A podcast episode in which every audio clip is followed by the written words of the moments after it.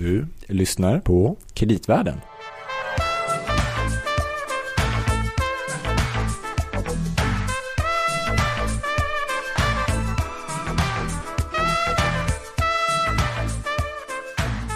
Gabriel, där är du. Eh, Louis Landeman, Gabriel Bergin. just det. Du jobbar på Danske Bank. Ja, och Ja. du jobbar på Stockholms Och stad. det här är podcasten Kreditvärlden som handlar om framförallt kreditmarknaden men även andra finansiella marknader. Och Louis, den här låten, Ja, men jag blir så nöjd. Man blir som på gott humör. ja, jag känner igen den. Bullish Ja, heter den. Med Herb Albert, vår favorit. Finns det någon låt som heter Bearish? Men jag tänker så här, ja, det, det är ju vår vanliga signatur. Ja, just det. Eller hur? Ja. För att jag tänkte liksom den här signaturen, den är så här, nästan, nästan lika bra som vår vanliga signaturmelodi. Och det passar ju bra då, för att nu ska vi, idag ska kreditvärlden på utflykt Ja. till en marknad som är nästan lika intressant som kreditmarknaden. Mm. Aktiemarknaden. Ja, just det. Ja. Och där är man ju bullish har vi förstått.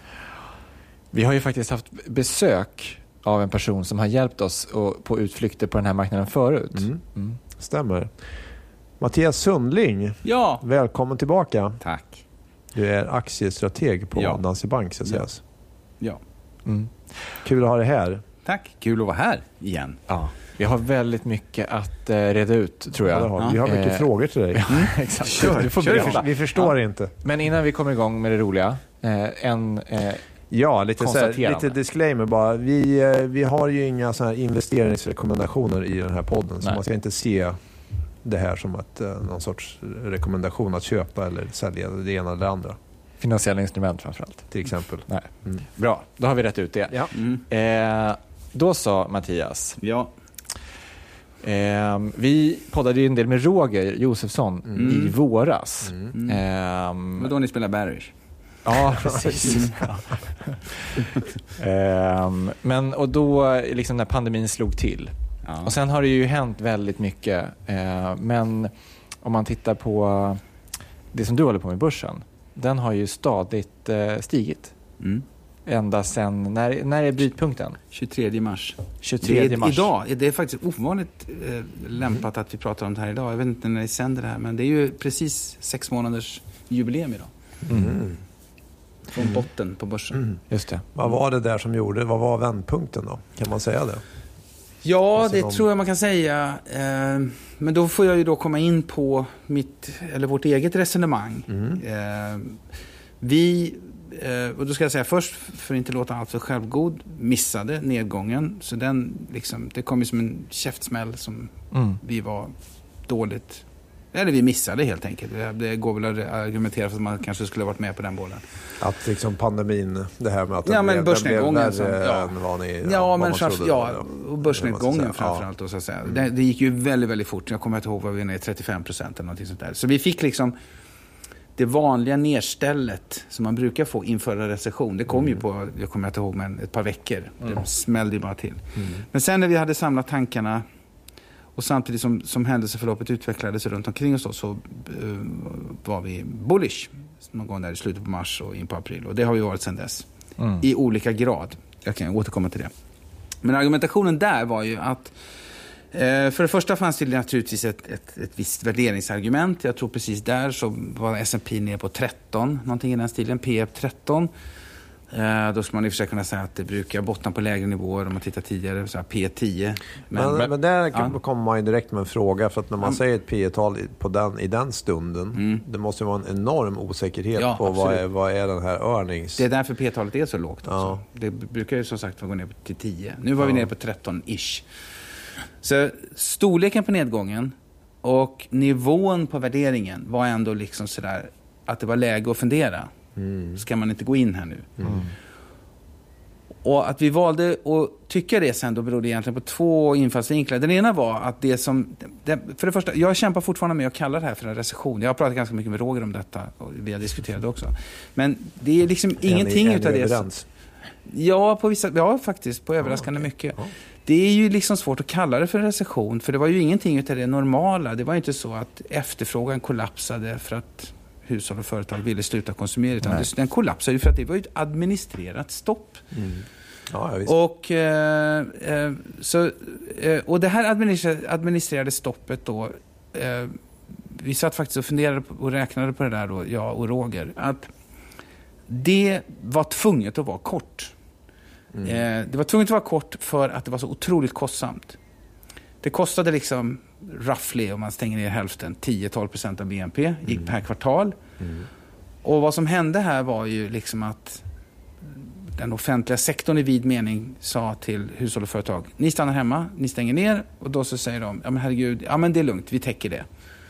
Och så flyttar vi sparande från den offentliga sektorn till den privata sektorn. Mm. Så vi får ju budgetunderskott här nu på 10-15% av BNP, uppåt 20 i USA till och med. Så det var alldeles för kostsamt till produktionstapp enligt vår uppfattning att göra sådana här nedstängningar. Och det var alldeles för kostsamt att, att överbrygga det produktionstappet sen med eh, bidrag så att säga. Mm. Så det var nästan per definition tvunget att bli kort. Mm. Så att säga.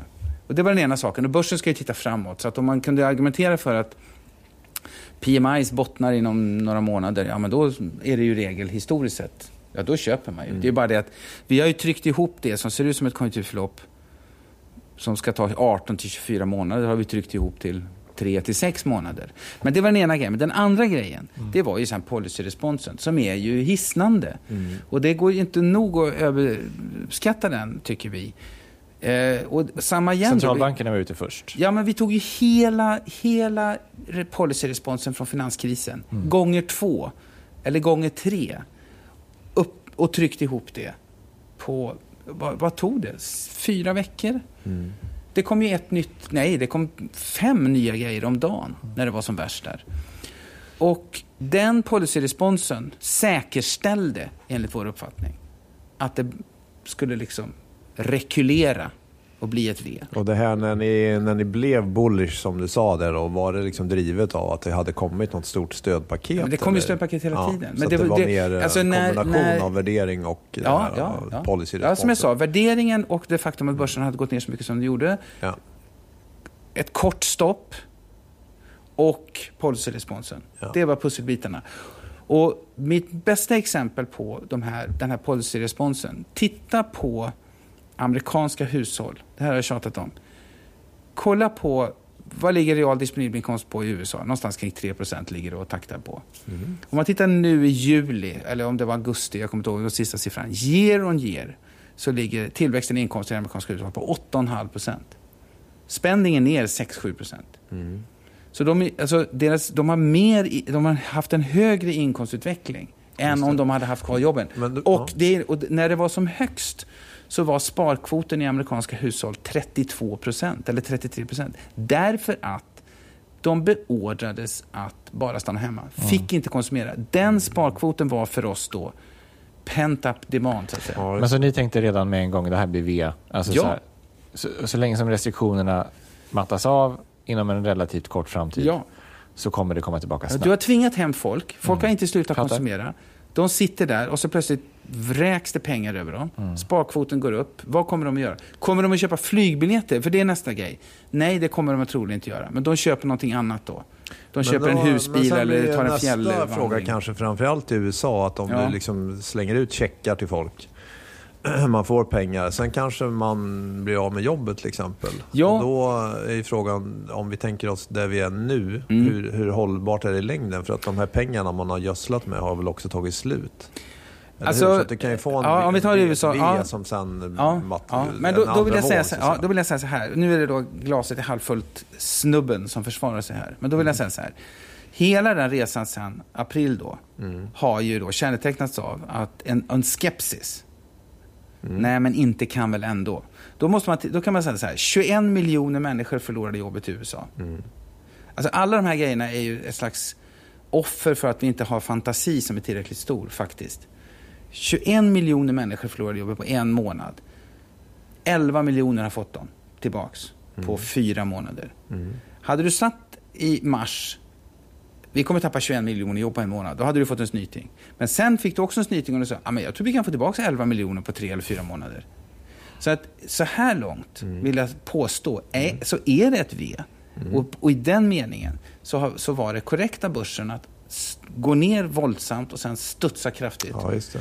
det, när du säger så här, det tar slut. Alltså USA beräknas ha ett budgetunderskott på 20 procent i år tror jag. Mm. Nästa år runt 8-9 procent. Det är ju en kvot. Det beror ju delvis på att BNP faktiskt stiger nästa år. Mm. mm. Eh, men i runda slängar så, så är det ju fortfarande jag vet att man definierar finanspolitik liksom som förändring i budgetsaldo. Men om vi istället bara tittar på den absoluta nivån mm. så är det ju fortfarande en väldigt expansiv finanspolitik. Mm.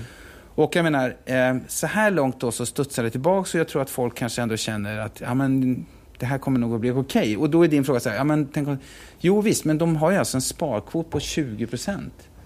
Så vad ska de göra i det här läget när inkomsterna då inte växer med 8 utan kanske går ner till en ökningstakt. Jag har sett amerikanska ekonomer snacka om att det kanske kommer ner till 3 Men spelar det någon roll hur den sparkvoten fördelar sig? Ja, det är såklart det gör. Jag är en, nu pratar jag aggregat och ja. top-down. Aggregera. Och det är samma sak om jag säger så här om man tittar på, på, på, vad som de facto har hänt sen. Försäljningen av varor i detaljhandeln är ju, tror jag, upp genom ger i många regioner. Och försäljningen av tjänsterelaterade grejer, gå på restaurang, är ju kraftigt mm. ner. Så inom den aggregerade efterfrågan så sker det ju uppenbarligen stora förändringar. Men om vi bara börjar med aggregaten Mm. Så, så, så, så, tycker jag att det finns starka skäl. Och här i Europa, som ni vet, här tog, tog ju stödet en annan form. Så här har vi ju, mm. inte kastat, men gett pengar till bolagen. Mm. för att behålla sin arbetskraft. Så här ja, finns precis. det ju ännu mindre skäl då i den meningen att vara jätteorolig eh, för sitt arbete, så att mm. säga. Eh, så, så jag vet inte, det, det, som, det som är hisnande här när det gäller policyresponsen som jag upprätthåller mig vid då ganska mycket, det är ju inte bara då att centralbankerna har varit superaggressiva. Men om du jämför QE1, QE2, QE3 och sen den QE som man har gjort nu. Det gick ju pang. Mycket större, mycket snabbare. Alltså de köp av tillgångar som Federal Reserve Som Fed har gjort i USA, ja. Mm. Men dessutom så är det ju för första gången, tycker jag, man kan säga sen 70-talet, så blir plötsligt alla keynesianer och vräker på med finanspolitik. Mm. Och dessutom så, så växer ju responsen hela tiden. Så nu är vi ju i tillväxt. PMI är över 50. Mm. Och ändå så bestämmer sig Tyskland för, för att förlänga det här korttidsarbetsschemat till slutet på 21. Mm. Frankrike har finanspolitisk expansion nästa år, kom 4,5 procent av BNP. Sverige, som ska vara som frugal Sweden, 2 procent.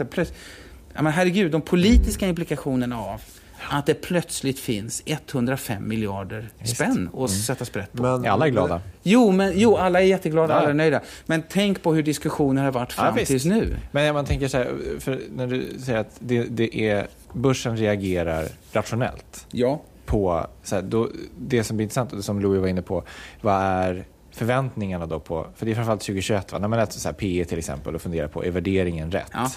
Vi gjorde så här, att vi sket i 20 Eh, för 20 var nästan omöjligt att ha en uppfattning om vinstnivåmässigt. Mm. Utan i linje med resonemanget om ett V så tänkte vi så här, vi tittade så 18 månader framåt. Och så utifrån ett resonemang om ett V, vad, vi, vad ligger vinstnivån i slutet på 21? Mm. Och vad har vi då för P-tal? Så vi räknade mm. P på 21 hela tiden. Just det. Och om du har ett V där vi då resonerade oss fram till att vi skulle få minus 15 procent EPS förändring i år, mm. alltså vinst per aktie, och 20, plus 20 nästa år. Det är en prognos som vi fortfarande håller fast vid. Mm. Eh, och tittar du på just nu, vad ligger konsensusförväntningarna på, eh, om vi tar på världen, MSCI World, ligger på minus 18 tror jag, men är på väg uppåt. Folk höjer sina estimat nu. Mm. mm. Så värderingsmässigt så, så eh, var det liksom så vi resonerade. Ja. Mm. Sen har börsen kommit upp. Det har varit en, en tydlig multipelexpansion, uppenbarligen. För sen har ju E de facto ja, gått ner och sen ja, har P exakt. gått upp.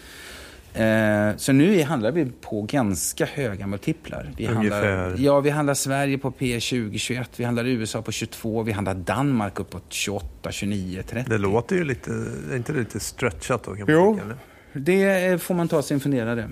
Mm. Mm. Och eh, vill du att vi ska... Eller ska... Ja, det är absolut. Men om jag lägger till en, ytterligare en grej ja. för att eh, bredda diskussionen eller fråga på ett annat vis. Det är ju mm. i en miljö, en omvärld som man tycker borde ha förändrats. Det vill säga att man borde tänka att oj, det kanske kan komma fler pandemier framöver. Vi kanske har ökade geopolitiska risker om man bygger på ytterligare en dimension. Den här skuldbördan på global basis Borde inte den göra att man vill ha en högre riskpremie för att det känns som att man bygger upp mer risk i hela systemet och dessutom om man lägger på ytterligare en dimension de väl, alltså, vad ska man säga, välfärdsdistributionseffekterna av till exempel centralbankerna. Att du, du stöttar egentligen de som har kapital så bygger egentligen på ökade spänningar i hela samhället. Alltså borde man inte då tycka att jag vill ha mer risk, mer betalt för att ta aktierisk i den typen av miljö som borde kunna vara mer volatil framöver? Eller? Jag vet inte. ja, men jag, jag, vet inte Louis, är det, är det, fördelen med att bli äldre är ju ändå att man kan se tillbaks då så att säga. Är, vad du säger är att du ska ha en högre riskpremie på aktier nu än läget är farligare. Det kanske det är än för 10 år sedan, eller 20 år sedan, eller 30 år sedan. Jag vet inte. Eh, det finns ju en annan trend. Alltså jag ifrågasätter inte de riskerna som du... Nej, men liksom i en värld med ökade ja. då egentligen, det här är någon konsekvens av att vi har en stor befolkning globalt och du får klimat plus jo, eh, jo, men du har ju pandemi och andra ja, risker som ja. kan störa hela ekonomin och därmed intjäningen i bolagen, eller hur? Så att... Men det gäller ju att hitta Så, rätt trender.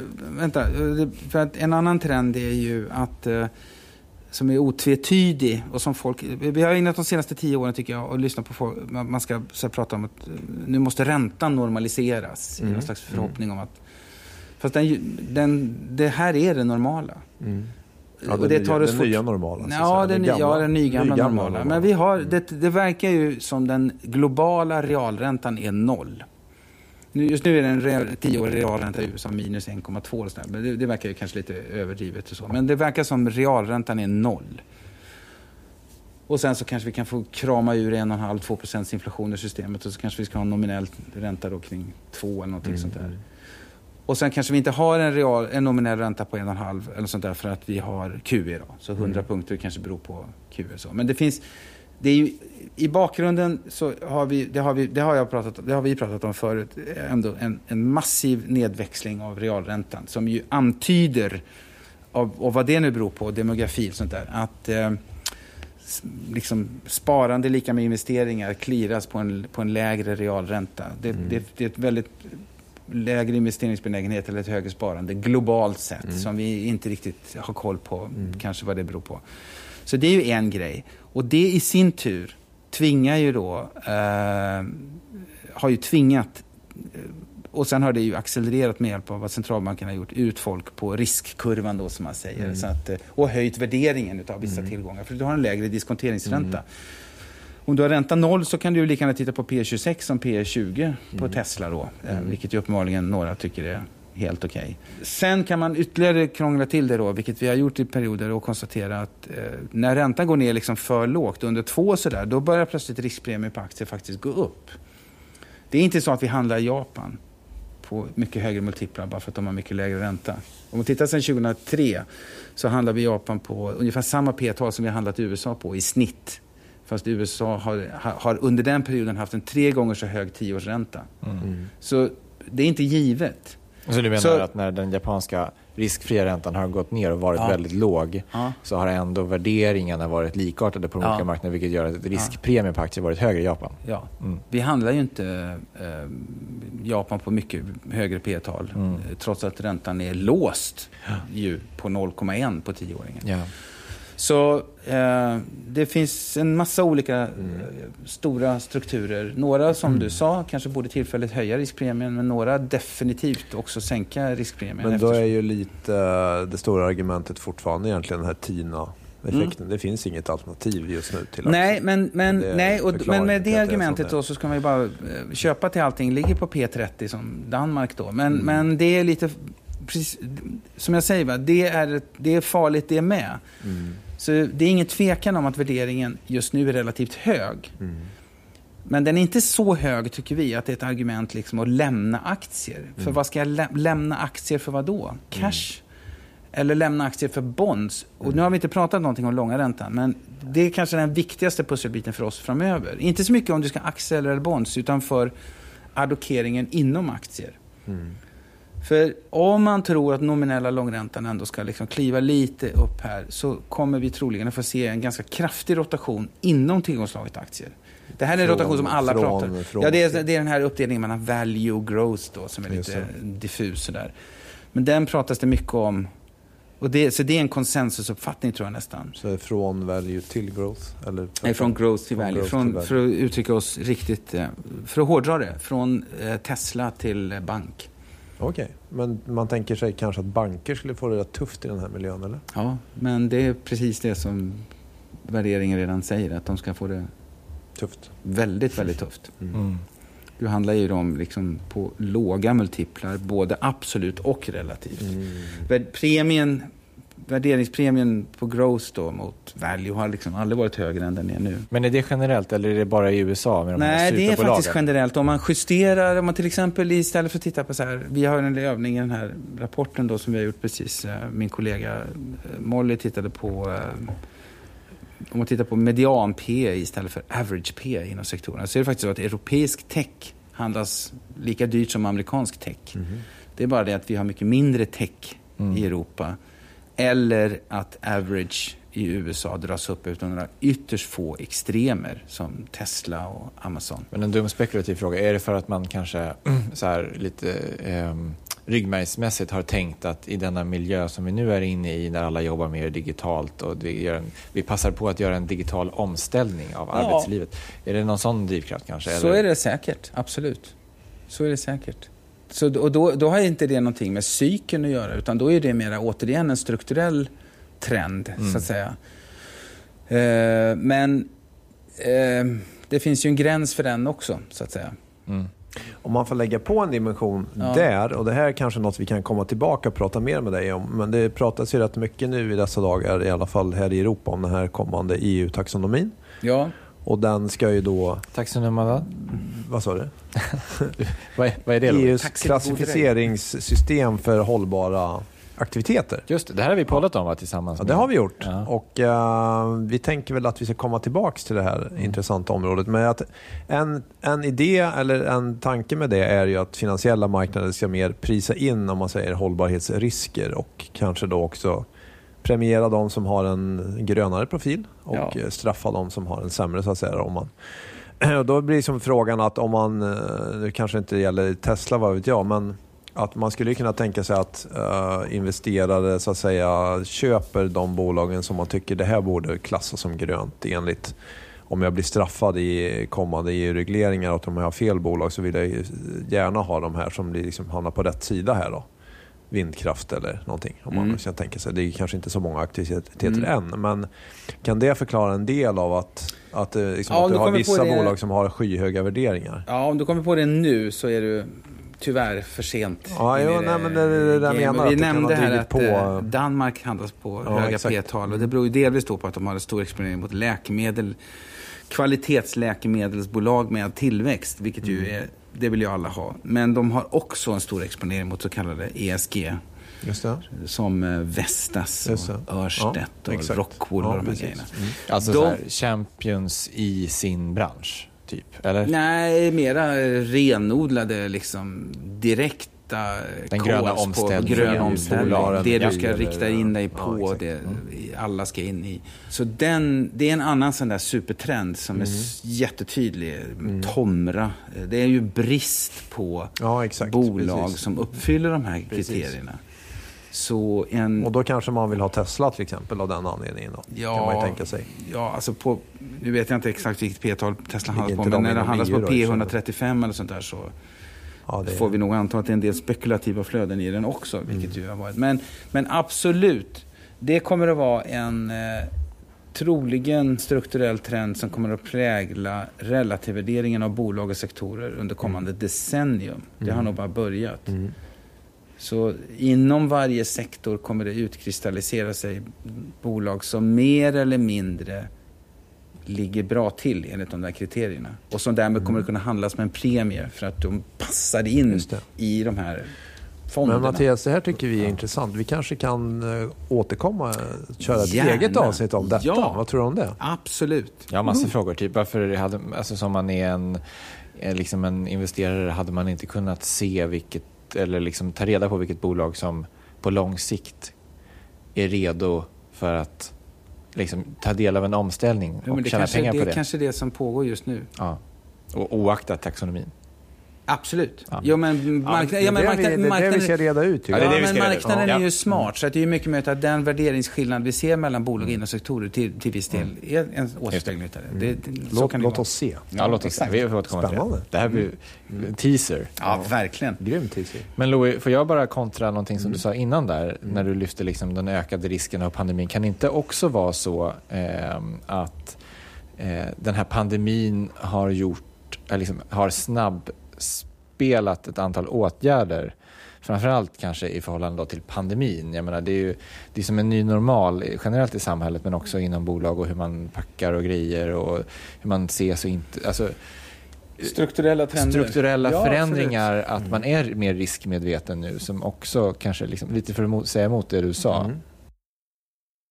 Alltså jag menar, det, det, så att poängen kanske är att de osäkerheter som också fanns innan pandemin åter, finns ju kvar i mångt och mycket. Mm. Eh, så därför kanske man vänder sig emot, eller jag vänder mig lite emot det du säger Mattias om att den, eh, att liksom, varför skulle den här V-formade ta oss tillbaka till en sån plats som, av tillväxt egentligen? För att om det, vi pratade recession, recession, recession, recession ändå halvåret, året innan pandemin kom. Ja, fast jag tror inte... Jag tror inte Eller är vi en jag, helt jag, ny tror inte, jag tror inte, jag, Vi trodde inte på någon recession i år. Nej. Om, hade det inte pandemin kommit så tror jag inte vi hade haft en recession. Så den, så den platsen vi har studsat tillbaka till är ändå liksom en plats av optimism och framtidstro. Alltså, eh, ja, herregud. Jag- Jag ser det kortsiktigare än så faktiskt. Jag, Mm. Vi är fortfarande mitt i en återhämtning och jag tror fortfarande att återhämtningen fortsätter. Eh, vi skulle nästan ha en annan podd om vad som lurar bakom hörnet. För att det finns, jag har sett ganska många strateger som pratar om att liksom nästa regim som vi är på väg in i är någon slags 70-talsscenario med eh, låg tillväxt och hög inflation och stagflation och så vidare. Och så vidare. Mm. Där har inte vi riktigt satt ner foten vad det är som stundar. Jag tror att vi fortfarande handlar liksom på hur kommer den här återhämtningen att fortsätta att se Mm. ut och utvecklas. Jag är 90 gritty ner på liksom Q3, Q4, 21 Fattar. estimaten och så vidare. Eh, Hur svarar företagen och konsumenterna upp mot stimulanserna? Ja, men alltså, jag kommer tillbaka till de här stimulanserna. Det, det är liksom, det är, en, det är inget finlir vi pratar om här. Det är ju en slägga Mm. på alla. Man tar ju inga som helst risker. Och jag återkommer till den policy-diskussionen som ska följa sen. Vad ska liksom det finanspolitiska ramverket vara? Mm. När man har sålt in, sen, så länge jag kan minnas, sen 90-talskrisen, att man ska samla i ladorna och plötsligt finns det 105 miljarder. Ja, det lätta svaret är väl, vi samlade ju i ladorna för detta. Ja, exakt. Men sen då? Mm.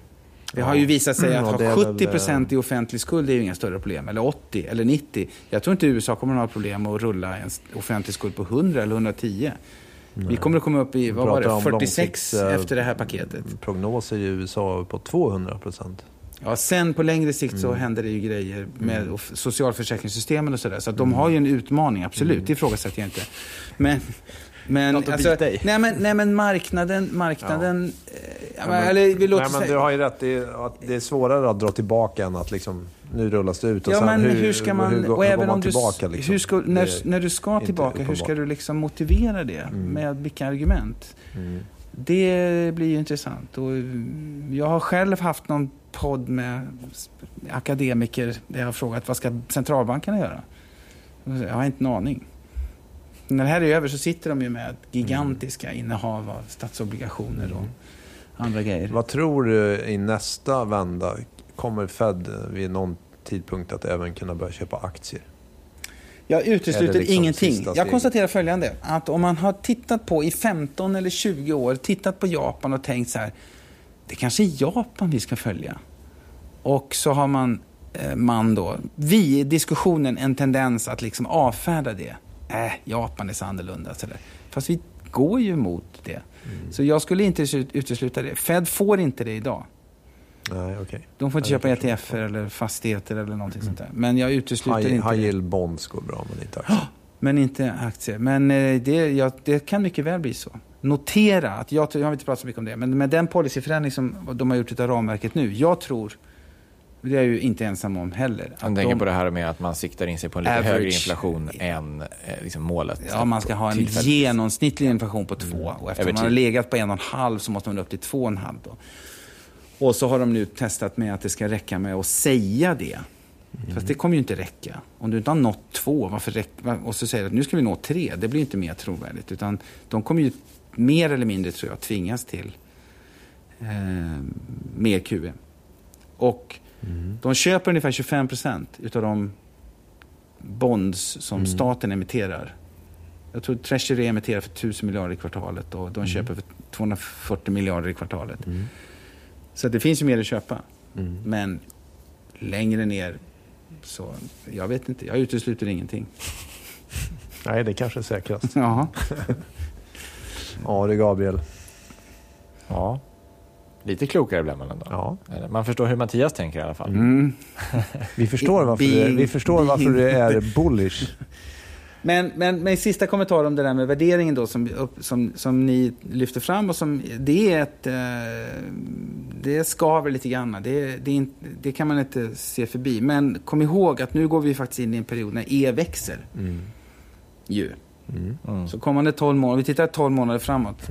I liksom genomsnittsförväntningarna. Ja. Mm. Men även vår egen prognos då, som Ja. vi får, får vi liksom luta oss emot. Att nu går vi in i en period när vinsterna kommer växa med tvåsiffriga tal. Eh, Om inte vi får en andra våg. Ja, om vi inte ja Men men, även om vi får... Vi, vi har eh, redan en andra våg, Gabriel. Ja. Vi fick en andra våg, om vi nu ska kalla det för i USA. Ja. Vi är lite grann inne i det nu. Men notera Mm. Att dödstalen stiger inte, att vi har bättre behandlingar, att vi har vaccin på gång och att ingen vill stänga ner på det sättet Det som det jag tänkte säga. Det är kanske det stora argumentet Ja. då från er sida. Att vi kommer inte ha råd att Nej. stänga ner. Så därför Jag kommer tror inte vare sig att stänga ner. politiskt eller ekonomiskt. Ja, eller så har vi också kanske en, alltså, en bättre beredskap för Mm. Ja, att hantera. ja, det har vi ju. Eftersom vi har lite behandlingar. Inte, inte vaccin, men vi har ju behandlingar. Ja. noterade igår att eh, till och med EU ska bygga ett beredskapslager i Kristinehamn. Mm, Som heter RESC-EU. RESC-EU. på allvar. ja. Några göteborgare som har hittat på det. Ja. eh, de sista två minuterna, Mattias, kan Ja. du bara säga någonting om vilka marknader och branscher som ni, mot bakgrund av det vi har pratat om, ändå tycker är liksom det Ja. ni ser framför er? Ja, jättesnabbt region så är vi underviktade det som kallas för developed markets och överviktade emerging markets.